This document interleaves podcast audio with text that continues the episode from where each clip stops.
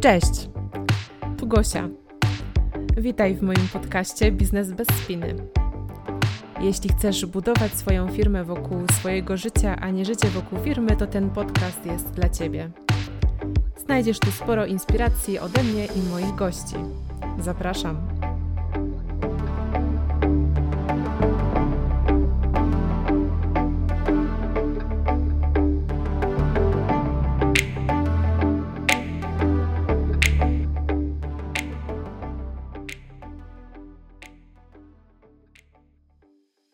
Dzisiejszym gościem jest Elena Czernecka, psycholog, certyfikowany trener Polskiego Towarzystwa Psychologicznego drugiego stopnia i psychoterapeutka Gestalt. Od ponad 17 lat inspiruje i wspiera ludzi oraz organizacje w rozwoju kompetencji w zmianie, kryzysie i wypaleniu zawodowym. Buduje świadomość, rozwijając inteligencję emocjonalną i odporność psychiczną oraz pomaga liderom w stawaniu się odważnym i skutecznym. Razem z Leną pracowałyśmy wspólnie przy trzech projektach i zawsze byłam pod ogromnym wrażeniem jej wiedzy i doświadczenia. Stąd pojawił się pomysł nagrania tego podcastu i poruszenia tematu, który na razie brzmi bardzo enigmatycznie biznes w czasach niepewności. Cześć Lena. E, cześć Gosiu, witam wszystkich słuchaczy bardzo serdecznie. No to co? Postaramy się rozwinąć e, ten, ten nasz skrót, ten nasz tytuł Biznes w czasach niepewności z dużą niepewnością jak najbardziej się tego podejmuję. Okej. Okay. No to może zacznę faktycznie z grubej rury i zadam Ci pierwsze pytanie. Z jakimi dylematami według Ciebie musi radzić sobie dzisiaj przedsiębiorca właśnie w czasach pandemii? To myślę, że najlepszą odpowiedzią będzie odniesienie się do mojej historii, ponieważ jestem, tak można powiedzieć, e, działającym przedsiębiorcą, e, prowadzącym firmę już od przeszło 15 lat. Mhm. I pierwsza rzecz, która mi przyszła y, do głowy w momencie, kiedy 13 marca przeprowadziłam się do nowego mieszkania i zaraz potem zostało wprowadzone y, izolacja, czyli można powiedzieć od tego momentu już radośnie z całą rodziną w nowym mieszkaniu przeprowadziłam się i już tak zostałam i w krótkim czasie, w przeciągu najbliższego tygodnia wszystkie zlecenia i projekty, które miałam zaplanowane na najbliższy rok, zostały z, zawieszone i odwołane albo odroczone. I myślę sobie, że to co, było, to, co było dla mnie i jest nadal taką y, największym dylematem i wyzwaniem, to jest stawanie w obliczu tego, co jest nieprzewidywalne i co tak naprawdę można definiować w kategoriach kryzysu, ponieważ um, dla mnie największym wyzwaniem teraz jest zatrzymać się z takiego y, poziomu planowania długoterminowego, takiej kontroli nad tym, co się dzieje, y, i zatrzymać się w takim momencie, kiedy na większość pytań moja odpowiedź brzmi: Nie wiem. Mhm. I do tego drugim największym wyzwaniem jest samotność, ponieważ okazało się, że dość szybko w takiej samej sytuacji jak ja jest większość osób. Niezależnie od skali biznesu, czy to był biznes w skali mikro, jednoosobowe działalności, czy to były firmy, z którymi też współpracowałam na zasadach konsultingu, większość tych osób powiedziała, że ma takie poczucie, że musi się mierzyć z tym sama. Mhm. I dodatkowo do tego wszystkiego dochodzi taka y, rzecz, która myślę sobie jest tutaj bardzo istotna, mianowicie do tej pory żyliśmy w takim świecie, w którym kontakt z drugim człowiekiem mógł być czasami trudny, męczący, no bo byliśmy w takim, można powiedzieć, otoczeniu rywalizacyjnym, mieliśmy czasami tak. sprzeczne interesy, ale ogólnie rzecz biorąc, człowiek, klient, dostawca nie był szczególnie zagrażający. A tu nagle od marca jesteśmy bombardowani informacjami, że ten sam człowiek, ten sam klient, ten sam dostawca może ci przynieść śmierć. I tak naprawdę to, co ja zaobserwowałam i co jest dla mnie olbrzymim dylematem, jak się teraz po izolacji zaczęłam spotykać potencjalnie z moimi klientami, wróciłam do gabinetu, to nagle się okazało, że ja zaobserwowałam takie zachowania, które też wpływają na moje reakcje. Mianowicie ludzie przestali podawać sobie ręce, zaczęli się mijać, obchodzić, wręcz mają, tak bym powiedziała, taki odruch ucieczki.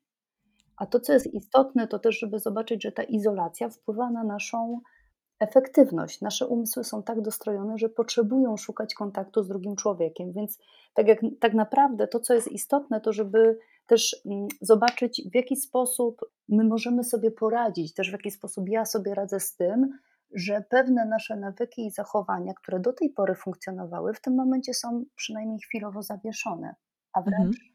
trudne do utrzymania. Czyli powiedziałabym, podsumowując, że są takie jakby dwie rzeczy. Po pierwsze, trudność planowania, czyli można powiedzieć to radzenie sobie z tą nieprzewidywalnością, odnajdowanie się w tym, że nie wiem. Mhm. I druga rzecz, samotność. Takie poczucie, że naprawdę ta izolacja nie jest tylko izolacją fizyczną, ale jest też izolacją mentalną. I to, to myślę sobie, że to są takie dwie rzeczy, i to, co jest jeszcze dodatkowo istotne, to jest kwestia tego, w jaki sposób reagujemy na tą sytuację, bo to, co jest tutaj też tym dylematem, to jest pytanie, jak się przestroić i dostosować do tej rzeczywistości, czyli na ile wzmożyć wysiłki, skąd czerpać nadzieję i motywację, żeby w ogóle każdego dnia mieć siłę, żeby wstać i dalej działać. Tak? Czyli można powiedzieć, że to jest dylemat, jak się regenerować i w jaki sposób, e, można powiedzieć, skąd brać zasoby. Będziemy o tym jeszcze później mówić, ale chciałam Cię jeszcze podpytać właśnie, jak kwarantanna według Ciebie wpływa na naszą psychikę, jakie w ogóle głosy najczęściej teraz słychać? No właśnie, to jest bardzo ciekawe pytanie i, i cieszę się, że o nie pytasz, ponieważ ja, ja, powiem tak, z dwóch perspektyw. Najpierw powiem z takiej perspektywy moich klientów, z którymi współpracowałam i to niezależnie od tego, czy, czy to byli klienci, którzy do mnie się zgłaszali na terapię w, pier w pierwszej y, odsłonie oczywiście online, a potem zdecydowali się wrócić do y, kontaktu face to face na szczęście. Y, natomiast czy to też byli klienci korporacyjni podczas różnego rodzaju warsztatów, słyszałam, można powiedzieć, trzy zdania y, najczęściej się pojawiały. Po pierwsze, jestem zmęczony. Mniej więcej po trzech y, miesiącach takiego naszego wzmożonego wysiłku, Słychać było o zmęczeniu, i te, to zmęczenie też zostało nawet zdiagnozowane przez brytyjskich psychiatrów jako zespół słuchawkowy. Mianowicie będąc tak naprawdę przez 8-10 godzin cały czas online na słuchawkach, okazało się, że zaczynamy mieć kłopot w związku z tym i ten kłopot się przejawiał na poziomie fizycznego bólu. Prawda? I to była jedna rzecz, która była dosyć mocno niekomfortowa, a wraz z nią pojawiło się coraz większe pragnienie, żeby spotkać się z drugim człowiekiem.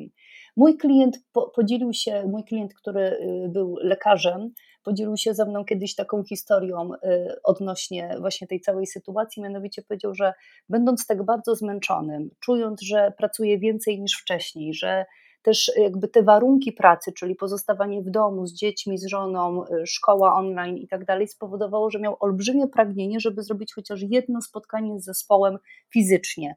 I powiedział, że złapał się na tym, że ważniejsze było dla niego, żeby się spotkać. W związku z tym zadbał o to, żeby oczywiście zachowując te wszystkie standardy y, dwumetrowe prawda, odległości, ale zorganizował jedno spotkanie na klinice, żeby się zobaczyć z ludźmi, ponieważ kierowało nim olbrzymia, olbrzymia potrzeba kontaktu z drugim człowiekiem, już nie online, tylko fizycznego. I nagle co się okazało, jak się spotkał tam z tymi pozostałymi osobami z zespołu, to okazało się, że nikomu się nie spieszyło do domu. Że pod pretekstem różnych drobnych rzeczy ludzie byli tak spragnieni kontaktu, że chcieli zostać dłużej.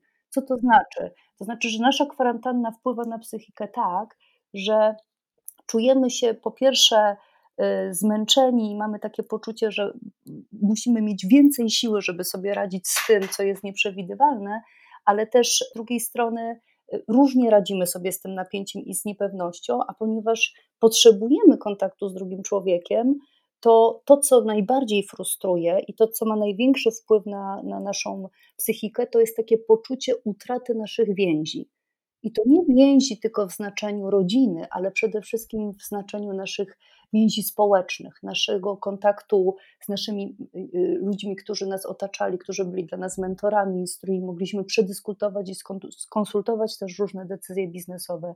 I to jest jakby myślę największe, największe mm, wyzwanie to, to jest poziom, można powiedzieć, taki, który mi się pierwszy rzuca w oczy, a na potwierdzenie tego, tej tezy chciałam jeszcze przytoczyć dla mnie bardzo ciekawe badania, które się pojawiły w czasopiśmie Lancet teraz na temat kondycji i można powiedzieć wpływu kwarantanny na zdrowie psychiczne y, ludzi z 24 krajów i one są ostatnio opublikowane, więc można też do nich sięgnąć. I generalnie mm, diagnoza jest taka, że no, można powiedzieć, kwarantanna zasadniczo bardzo negatywnie wpływa na naszą kondycję psychiczną, a ten wpływ oznacza, że jesteśmy coraz bardziej w poczuciu takiej bezradności i frustracji ze względu na to, że mamy takie poczucie, że ze wszystkim musimy sobie radzić sami. Więc to generuje bardzo dużo złości i frustracji i przyczynia się do realnego obniżenia naszej kondycji psychofizycznej. Czyli można powiedzieć, jest nam trudniej być efektywnym, jest nam trudniej e, mobilizować się do działania i jeszcze w zależności od tego, jak postrzegamy tą sytuację, może nam być trudno każdego dnia odnajdywać w sobie tak naprawdę moc do tego, żeby no, sprostać tym naszym wyzwaniom, z którymi jesteśmy. Czyli jakby izolacja wpływa bardzo negatywnie na psychikę. Rekomendacja jest taka, żeby szukać połączeń, żeby szukać kontaktu z drugim człowiekiem, na ile jest to możliwe. No właśnie, a gdyby tak właśnie to jakoś jeszcze podsumować, jak przetrwać i wytrwać w tym, co się dzieje teraz, jak, jakbyś mogła coś doradzić? Ja myślę, że to, co jest największym problemem, i to jest, myślę, też. Yy, ja jestem matką, ty też jesteś Gosiu matką, więc zasadniczo mm, myślę, że tutaj się znajdujemy yy, w tej sytuacji obie podobnie, jest to, że nie wiemy, jak długo to, co się dzieje teraz, czyli mam na myśli tą pandemię, jak długo to potrwa i też co w ogóle będzie od września, kiedy zacznie się rok szkolny jak to będzie wyglądało. A nasz nastrój w dużej mierze zależy od tego, że nie widzimy przyszłości. I każdy z nas w różny sposób sobie z tym radzi. Nie wiem, jak radzisz sobie z tym ty, ale ja się staram jakoś projektować na przyszłość jakieś możliwe scenariusze i widzieć to światełko w tunelu. Każdy z nas ma prawdopodobnie swoje na to strategie. I to, co nas y, tutaj różni, można powiedzieć, że to, co warto zrobić, żeby jakoś przetrwać i wytrwać ten moment niepewności, to jest y, kwestia związana z tolerancją niepewności. To jest trochę tak, że my się różnimy tą tolerancją na niepewność, tak samo jak się różnimy tolerancją na alkohol. Tak? I to jest też związane z naszą bazową, y, można powiedzieć, zdrową, zdrowym poczuciem nadziei, tak? Czyli na ile mamy takiej w sobie mm, takiego poczucia, że niezależnie od tego, co się wydarzy albo co się będzie wydarzać, to jakoś sobie dajemy z tym radę. I to, co warto wypracować, to naszą tolerancję na niepewność, i pewnie mnie zapytasz, w jaki sposób to robić. Mhm. I mam tak naprawdę cztery rekomendacje. I to są takie rekomendacje, które mnie pomogły, i one odpowiadają na pytanie nie tylko jak, można powiedzieć, reagować na, na swoją niepewność, ale też jak regulować swój lęk, który bardzo często tej niepewności towarzyszy. Bo zgodzisz się ze mną, że jak jest niepewność, to zwykle się też pojawia niepokój. Tak. I to, do czego się odnoszę, to są takie cztery kroki, które Wojciech Eichelberger opisał, i też to jest taka rekomendacja głównie dla świata biznesu, i on odpowiada na pytanie, jak lider ma regulować swoją niepewność. I on mówi o takich e, czterech e, obszarach. I to, co jest na pierwszym etapie bardzo istotne, to żeby zweryfikować nasze źródła informacji. Czyli można powiedzieć, że kiedy zaczynasz mieć zbyt duży poziom niepokoju, to warto się zastanowić, czy te informacje, które do ciebie docierają, są lekkotwórcze. To się nazywa tak zwanym metabolizmem informacyjnym. I czasami warto się zastanowić, jeżeli ty jako, jako przedsiębiorca, jako lider, jako osoba, która tworzy biznes, jesteś za bardzo pochłonięty katastroficznymi wizjami, to sprawdź, jak to robią inni. To się nazywa skalowanie lęku, czyli możesz się zastanowić, czy inni w moim otoczeniu, mhm. którzy na przykład mają podobny biznes, przekładając to na naszą relację, ty masz swoją firmę, ja mam swoją firmę, kiedy czujesz, że cię po prostu obezwładnia lęk, to warto, żebyś zadzwoniła sobie do osoby, która ma podobną sytuację i powiedziała: Słuchaj, jak ty sobie radzisz z tym, bo ja zaczynam mieć katastroficzne wizje i nie wiem, co będzie jutro. Jak ty to robisz, że wyglądasz na spokojną? Nie, czyli też ważne, żeby zobaczyć, e, jak to robią inni i w jaki sposób się trochę urealniają. Czy to, co sobie wyobrażają, to jest tylko i wyłącznie wyobrażenie, czy też ich doświadczenie. Czyli pierwszy krok weryfikacja źródeł informacji. Druga, która brzmi bardzo prosto, ale prosto nie jest, to jest e, Eichelberger mówi o tym, żeby Y, ćwiczyć swój umysł do zachowania się w takim stanie nie wiem, tak? Czyli można powiedzieć, wejść e, w taką pozycję, kiedy jesteśmy w stanie wytrzymać i wytrwać w tym naszym niepokoju. Nie zagłuszać go, nie udawać samuraja samemu przed sobą i mówić, że nie boję się, jeżeli się boję. Tak? Nie udawać przed, y, przed innymi, z którymi rozmawiam, że jestem niepewny, czy mam wątpliwości, jeżeli tak jest, bo to i tak y, zwykle po naszym zachowaniu widać. Y, natomiast to, co jest istotne i jak to zrobić, to można powiedzieć, że warto się nie przywiązywać do swoich hipotez. I żeby, żeby temu pomóc, to, to ćwiczenie tej drogi umysłu warto zacząć od takiego zdania, które zresztą ja bardzo lubię, jest takim, można powiedzieć, taką kwintesencją uobecniania się. I to zdanie brzmi następująco: Jestem tutaj, tak? nigdzie się nie spieszę, nie mam żadnych oczekiwań, koncentruję się na tym, co jest teraz dla mnie najważniejsze. Bardzo fajne. I w tych czterech zdaniach jest takie poczucie i mocy, ale też całkowitego uobecnienia. Dodatkowo w tym urealnianiu się, w tym ćwiczeniu siebie w, w, tym stanie nie wiem, to co mi pomaga, to przypominanie sobie pewnej anegdoty o dwóch samurajach, którzy stają naprzeciwko sobie, siebie i, i pada pytanie, który wygra? Mhm. To może ja odpowiem przewrotnie, który przegra. Przegra ten, który zacznie myśleć o tym, co zrobi przeciwnik, bo on wymyśli sobie to, co on zrobi, Czyli można powiedzieć, że przegra ten samuraj, który się jakoś nastawi. Wniosek jest taki, żeby się nie zachowywać jak przegrany samuraj, czyli nie przywiązywać do swoich hipotez, nie wymyślać, co będzie, tylko być w tym, co jest. I wiem, że to jest trudne, ale możliwe. Czyli jak mnie teraz ktoś pyta, co będzie, to ja mówię, nie wiem. I mimo to, że nie wiem, dalej każdego dnia rano wstaję i robię swoje. Bardzo mi się to kojarzy z takim podejściem właśnie do podejścia, które jest na wschodzie. Tak, no tak, dokładnie. Trzeci krok to jest oddech. I o oddechu mogłybyśmy zrobić w ogóle osobny podcast, ale chodzi generalnie o to, żeby uświadomić sobie, że ta niepewność przekłada się na lęk, a lęk powoduje w nas albo obniża w nas tak naprawdę barierę immunologiczną. Jeżeli jesteśmy w długotrwałym lęku, to przestajemy działać efektywnie. I to, co tutaj jest rekomendacją według Eichelbergera, jest taka umiejętność generowania spokoju w sobie. I służą temu przede wszystkim ćwiczenia oddechowe.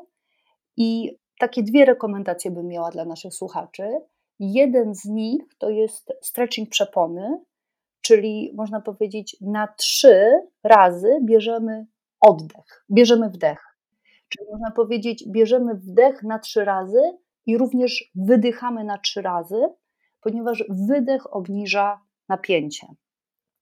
Generalnie chodzi o to, żeby wszelkiego rodzaju ćwiczenia oddechowe stosować w taki sposób, żeby pracowała nasza przepona, bo to nam pomaga uwolnić się od napięcia i znaleźć takie ćwiczenia, które nas regenerują. Nie przywiązuje się do żadnego, oddech jest po prostu nam niezbędny do życia. Jeżeli jesteś w napięciu, to zwróć uwagę, jak oddychasz. Można sobie zrobić taki test. Jakbyś teraz wyciągnęła rękę przed siebie i próbowała zgasić świeczkę, to zwróć uwagę, jakbyś dmuchnęła powietrze, zrób to razem ze mną, to jakie ono jest, zimne czy ciepłe? Mhm. Jest prawdopodobnie zimne. zimne. Ono nie pochodzi z przepony, jak jest zimne. A teraz wyobraź sobie, że mamy zimę i mróz pokrył y, okna, przed naszymi, y, w naszych mieszkaniach i chcesz y, zobaczyć, kto jest na zewnątrz. I robisz wtedy, otwierasz szeroko buzię i robisz takie. Tak, jest ciepło. I to jest ciepło. I o taki oddech nam chodzi. Więc rekomendacja jest taka: szukaj ćwiczeń oddechowych, w których uruchamiasz przeponę. Czwarty to jest regeneracja. I y, Eichelberger mówi, że to, co jest niezbędne, to żeby wywalić z naszego organizmu nadmiar adrenaliny, ponieważ on jest pochodną stresu, spalić cukier i przełączyć się na tryb regeneracji. I znowu, każdy ma swoje techniki. To, co jest dobre i co przyniósł na pewno mnie y, okres y, epidemii, to to, że ja zaczęłam biegać. Wcześniej robiłam inne rzeczy. Trenowałam na siłowni, siłownie zamknęli, więc zaczęłam biegać. Chodzi o to, żeby zbudować metabolizm, bo odporność psychiczna, znaczy w ogóle słowo odporność ma dwa znaczenia: odporność immunologiczną, czyli naszego organizmu, i odporność psychiczną. I jedna jakby jest uzupełnieniem drugiej. Nie można być chorym i odpornym psychicznie. Zgodzisz się ze mną? Tak, bardzo się zgodzę. No właśnie, więc teraz trzeba zacząć od takich nawyków, nie wiem, rano biegaj, rób coś, Dlatego mówię celowo rano, ponieważ istotne jest to, żeby mieć jakiś rytm dnia. To też bardzo pomaga. I zrób coś, co spowoduje, że będziesz mieć dobry metabolizm na cały dzień, a potem zadbaj o sen. I przestań przejmować się tymi wszystkimi rekomendacjami, że dorośli ludzie powinni spać yy, krócej niż 8 godzin. Jeżeli potrzebujesz spać 8 albo 9 godzin i jest ci to niezbędne do budowania odporności, to rób to. To, to jest ważne, żeby znaleźć swoją odpowiedź na to. Tak, i posłuchać ciała tak naprawdę. I posłuchać nie? ciała, Ciało dokładnie. Mhm. Ciało wie najlepiej. Także takie cztery kroki myślę, żeby się y, jakoś przetrwać, a dodatkowo jeszcze powiem, czego nie robić. Mhm. Bo myślę sobie, że to, co jest ważne, to żeby zwrócić uwagę, jak my zasadniczo zareagowaliśmy, jakby co, co robią, co my robimy w czasie epidemii i też jak społeczeństwa reagowały na epidemię, trochę, żeby nas usprawiedliwić. Otóż e, można powiedzieć, że to, co mnie najbardziej zaskoczyło, nie wiem, czy docierały do ciebie takie głosy, że ludzie szukali cudownych rozwiązań wpuszczali do swoich domów wróżbitów, którzy mieli za pomocą jakiegoś cudownego, magicznego amuletu sprawić, że nie zachorują na koronawirusa, albo pili jakieś mleko, nie wiadomo jakiego pochodzenia, które miało sprawić, że będą odporni. Czyli można powiedzieć, że nasz atawizm podpowiada takie zachowanie, żeby przetrwać, wolę zająć się magicznymi rozwiązaniami, które wszystko obiecują, mało ode mnie wymagają, wszystko upraszczają. Wolę to, niż pozostać w stanie nie wiem.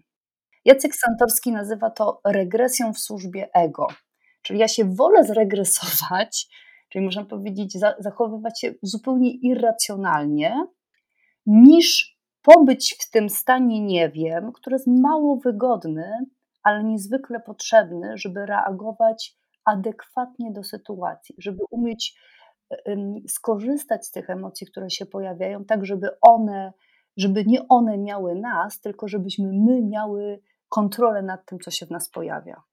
W związku z tym to, co jest ważne i to, co, czego nie robić, to zwrócić uwagę, na ile mamy taką tendencję do y, no właśnie mm, y, pojawiania się takich różnych uproszczonych sposobów i strategii na działanie. Tak?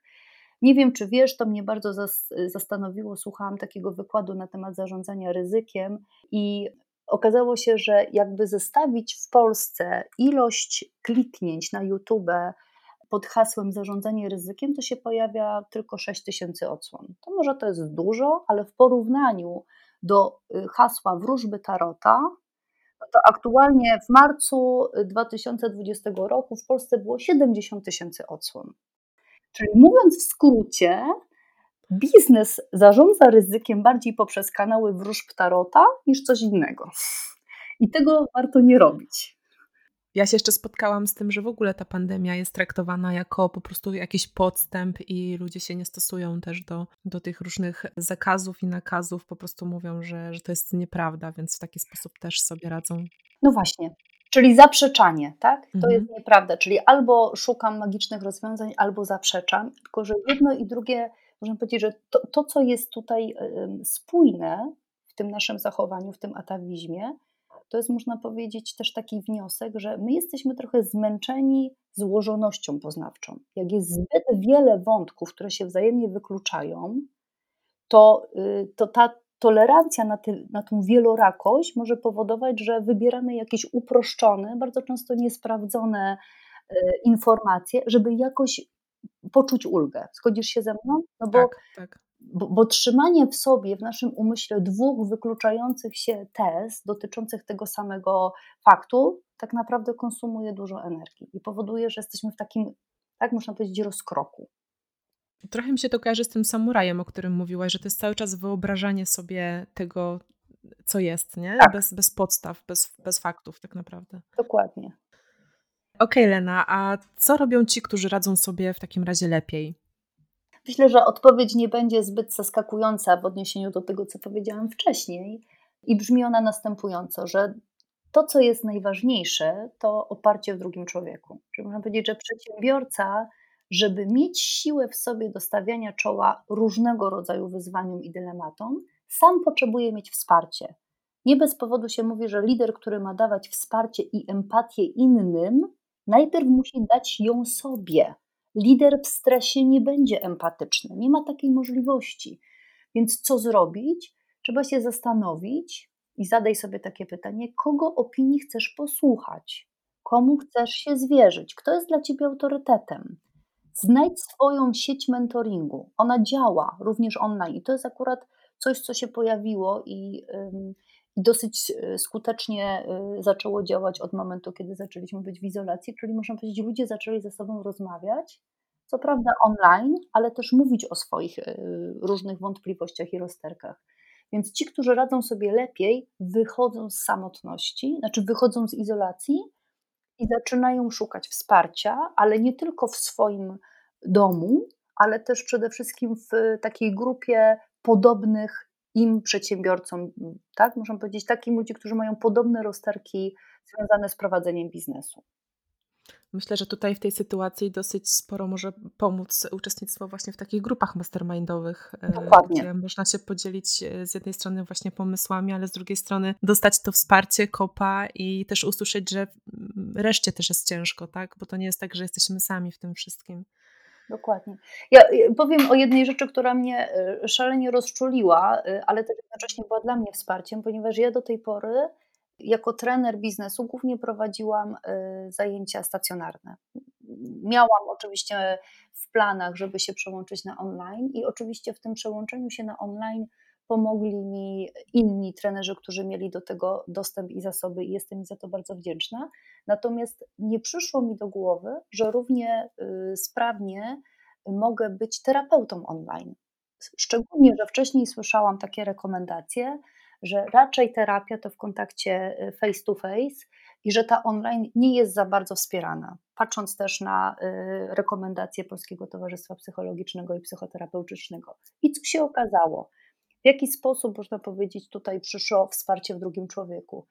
Zofia Pierzchała, do której mam absolutny szacunek z Instytutu Integralnej Psychoterapii Gestalt, rozpoczęła zaraz po, tydzień po wprowadzeniu lockdownu, serię darmowych webinarów dla wszystkich psychoterapeutów w Polsce, która nazwała Gabinet Online 1.0, 2.0, 3.0 i na 4.0 skończyła, czyli można powiedzieć trzymiesięczne darmowe wsparcie, w którym regularnie zapraszała znanych polskich i można powiedzieć, y, światowej sławy ekspertów, którzy mówili, jak to zrobić, żeby dalej prowadzić terapię online z dużą efektywnością i skutecznością. I to było, to było w punkt. Znaczy, myślę sobie, że nigdy wcześniej taki pomysł by nie zaistniał, i to było po prostu rzetelne wsparcie merytoryczne dla wszystkich, ale jednocześnie platforma do wymiany swoich wątpliwości konkretnej grupy biznesu. I o tym mówię, tak? Czyli można powiedzieć, że to, co jest ważne, żeby szukać takich inicjatyw, bo one są. Hmm, to może jeszcze o tych inicjatywach coś powiemy, nie? Mm, w takim razie, jak szukać takich inicjatyw? Masz jakieś pomysły, inspiracje, z czego można korzystać? Już tak bardziej od takiej strony właśnie ty jako przedsiębiorca. Ja jestem mentorem w takiej inicjatywie, która też zaczęła mocno rozkwitać za czasów właśnie tutaj pandemii, która się nazywa Slow Business Academy. Między innymi e, tam jest grupa 16 czy 17 mentorów, którzy się zajmują, są ekspertami w różnych branżach. I regularnie raz na dwa tygodnie, do tej pory przynajmniej, były organizowane webinary w takiej postaci właśnie wywiadu, w którym pojawiały się najczęściej zadawane pytania i rozterki, i też e, można powiedzieć, że zaproszone osoby miały szansę podzielić się swoim doświadczeniem, ale też oczywiście skierować ofertę dla osób, które wolą umówić się na indywidualną konsultację niż tylko na słuchanie prawda, online, czyli można powiedzieć, że był taki pakiet tak, y, dla, dla ludzi prowadzących przede wszystkim biznes, bo idea jest taka, że Slow Business Academy jest nakierowany dla osób, którzy prowadzą swój biznes, y, ale jednocześnie mają takie mm, konkretne założenia, które są również spójne z ekologią. Tak? Czyli można powiedzieć, jest dla nich ważne, jak robią ten biznes dla, dla innych, dla środowiska, dla świata. Dru, drugim rodzajem, można powiedzieć, szukania rozwiązania dla siebie, czyli też jakby szukanie jakiejś inicjatyw, jest sprawdzenie, yy, co się dzieje online. Znaczy, oczywiście rekomenduję spotkania i kontakt z drugim człowiekiem, niemniej jednak, jeśli się okaże, czy bądźmy przygotowani na taki scenariusz, że znowu wprowadzą y, obostrzenia i być może będzie tak, że przez jakiś czas będziemy musieli zostać w domu, więc żeby zostać z jakimś wsparciem, to poszukaj osób, których lubisz słuchać. Bo moje doświadczenie jest takie, że te osoby, które mają coś ciekawego do powiedzenia, naprawdę są aktywne i prowadzą dużo bezpłatnych inicjatyw w postaci webinarów, w postaci podcastów.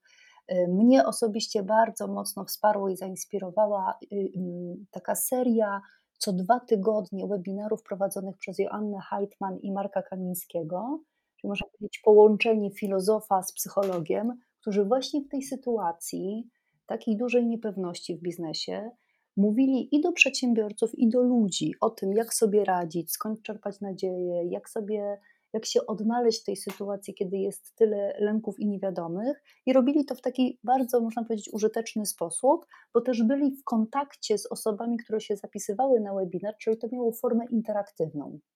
Więc moja rekomendacja jest taka: zadaj sobie pytanie, kogo lubisz słuchać, kto jest dla ciebie mentorem, czy masz szansę się spotkać z tym mentorem? Bo jeżeli tak, to zrób tak, żebyś miał też możliwość kontaktu, a jeśli nie, to zadbaj o to, żebyś w sytuacji, kiedy do, zacznie ci doskwierać samotność, miał możliwość dołączenia do takiej grupy. W takim razie chciałabym Ci zadać pytanie o tą nadzieję, czyli skąd ją czerpać, jakbyś mogła nam podpowiedzieć. No to jest bardzo ciekawe, skąd czerpać nadzieję, ponieważ e, to jest takie trochę pytanie, jak żyć. Ale ja zacznę może od tego, że Martin Luther King, spytany kiedyś, co zrobiłby, gdyby jutro skończył się świat, odpowiedział: Posadziłbym drzewo. I to jest dla mnie o nadziei. To znaczy, nadzieja jest pewną koncepcją życia, jest pewnym konstruktem poznawczym i to, czym się różnimy, to tym, czy mamy taką bazową, wysoką nadzieję, czy niską nadzieję. I ta nadzieja mówi o tym, żeby żyć przyzwoicie, nie zważając na zewnętrzne okoliczności. Teraz pytanie oczywiście, jak to zrobić? Warto się zastanowić, kiedy zaczynamy tracić nadzieję. Tracimy nadzieję najczęściej wtedy, kiedy skupiamy się tylko i wyłącznie na celu, a to szczególnie dotyczy osób, które mają rys perfekcjonisty, a potem okazuje się, że ten cel jest nieosiągalny. Czyli na przykład zakładają, że w roku 2020 osiągną jakiś rodzaj określony rodzaj zysku. I nagle się okazuje, że mamy sierpień i już wiedzą o tym, że to jest niemożliwe. Tak? Więc to, co jest y, możliwe, to żeby skupiać się na drodze i ważne, żeby jeszcze na tej drodze mieć swoje jakieś etyczne drogowskazy, jakieś wartości, które nam towarzyszą. I wtedy jest duża szansa, że nas nadzieja nie opuści. Tak? Czyli można powiedzieć, że to co, y, to, co jest istotne, to żeby się zastanowić, przez jakie okulary patrzymy na to, co się dzieje teraz.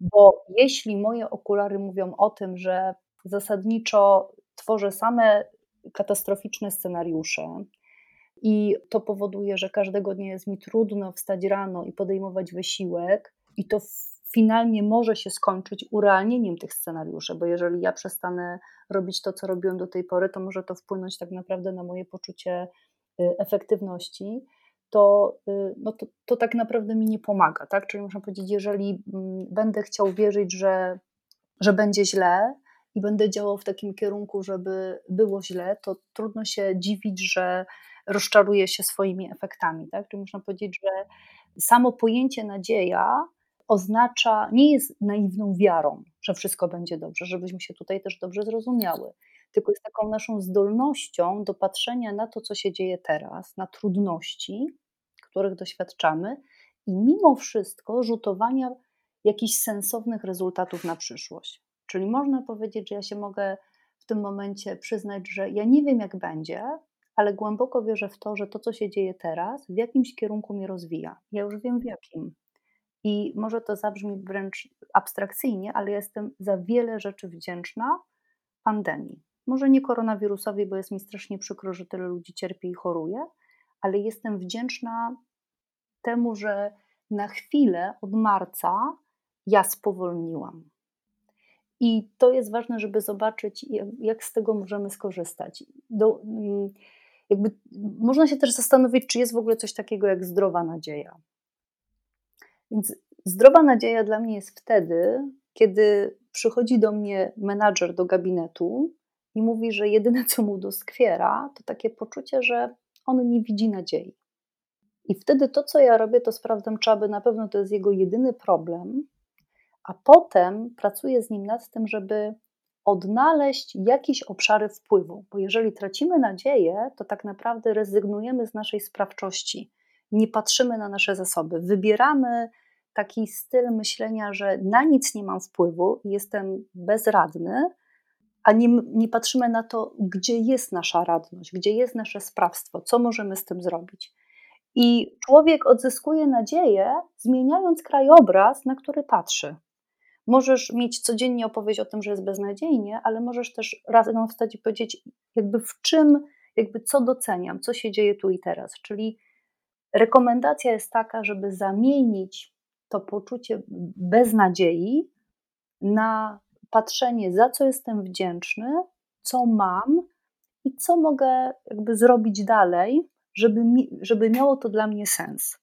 Z jakim efektem chcę skończyć ten dzień, żeby to było dla mnie takie poczucie, że zrobiłem to, na czym mi najbardziej zależało. Czy to ma dla ciebie sens, co ja mówię? Ogromny i w ogóle tak sobie pomyślałam, że bardzo bym chciała, żebyś jeszcze e, opowiedziała o tej metaforze siedzenia na skale i czekania na tsunami, bo to było tak piękne, jak ostatnio o tym rozmawiałyśmy. Myślę, że to fajnie może pewne rzeczy pokazać. No tak, to może tak na koniec, żeby też pokazać nam e, taki horyzont, i to jest taka metafora, która mnie osobiście przybliża. Myślę sobie, że to, co jest piękne w tej całej pandemii, że mm, pewnym sensie to jest dla nas wszystkich lekcja pokory, kim my jesteśmy jako ludzie. I, i w pewnej, z pewnej strony też popatrzenie na to, jak sobie radzimy z tymi trudnościami i tak naprawdę jak sobie nie radzimy, będąc samotni. Mhm to, co nas czeka, ta niepewność, to jest trochę takie czekanie jak na falę tsunami. Jakbyśmy sobie wyobrazili, że każdy z nas teraz siedzi na skale i indywidualnie czekamy na tsunami, to można się spodziewać takiej strategii, że każdy z nas liczy na to, że to nie mnie ona dotknie. I to jest ludzkie, nie ma się czemu wstydzić, to jest naturalne.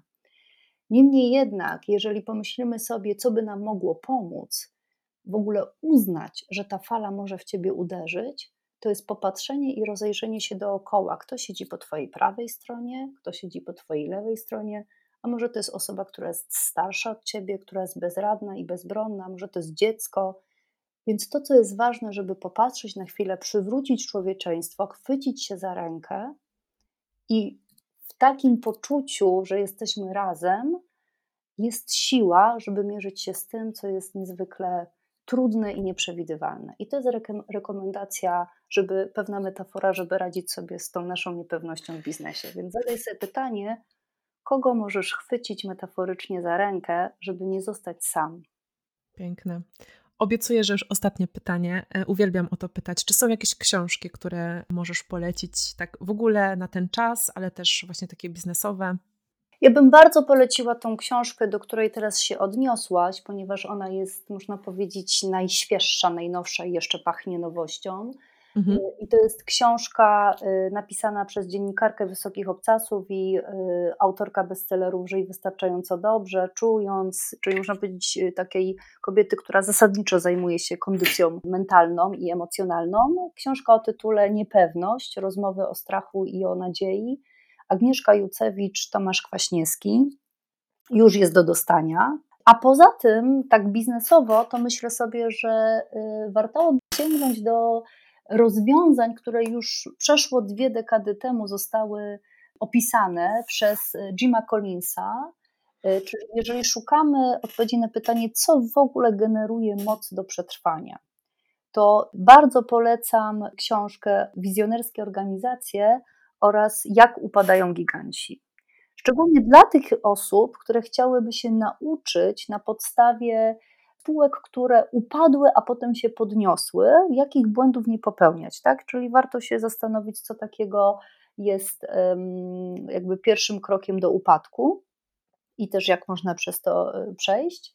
Czyli biznesowo to jest Jim Collins, a tak bardziej emocjonalnie to jest y, Agnieszka Jucewicz i Tomasz Kwaśniewski. To takie pierwsze dwie, które mi przychodzą do głowy. Oczywiście mogłabym wymienić całą masę innych książek, ale myślę, że nasi słuchacze, jak zaczną od tych dwóch rekomendacji, to też korzystają jak najbardziej. Super, bardzo, bardzo, bardzo Ci dziękuję. Bardzo dużo ważnych rzeczy poruszyłaś i myślę, że wiele osób się e, zainspiruje tym podcastem. E, oczywiście pod opisem damy linki do Ciebie, do Twoich miejsc, Super. jak do Ciebie trafić. A jeszcze powiedz, bo wiem, że przygotowałaś coś do pobrania, jakbyś tylko mogła powiedzieć w dwóch słowach, co to będzie. Ja przygotowałam do pobrania dla naszych y, słuchaczy y, tak naprawdę, jak trenować swój umysł w czasie niepewności I w najbliższym czasie pojawi się też artykuł, który będzie szerzej opisywał, czyli można powiedzieć to, co, to, co będzie linkiem do pobrania, to będzie takie cztery wskazówki, w jaki sposób można sobie radzić z tą niepewnością. Natomiast jeśli nasi słuchacze będą chcieli trochę więcej, Y, o tym poczytać, to też zachęcam do wejścia na moją stronę na Facebooka i, lub na LinkedIna i tam znajdą pełen artykuł na ten temat. Super, bardzo Ci jeszcze raz dziękuję. Ja również bardzo serdecznie dziękuję i życzę poczucia pewności w tej sytuacji, która jest mimo wszystko niepewna. I bardzo Ci, Gosiu, dziękuję za zaproszenie i za możliwość spotkania się z Tobą w taki sposób.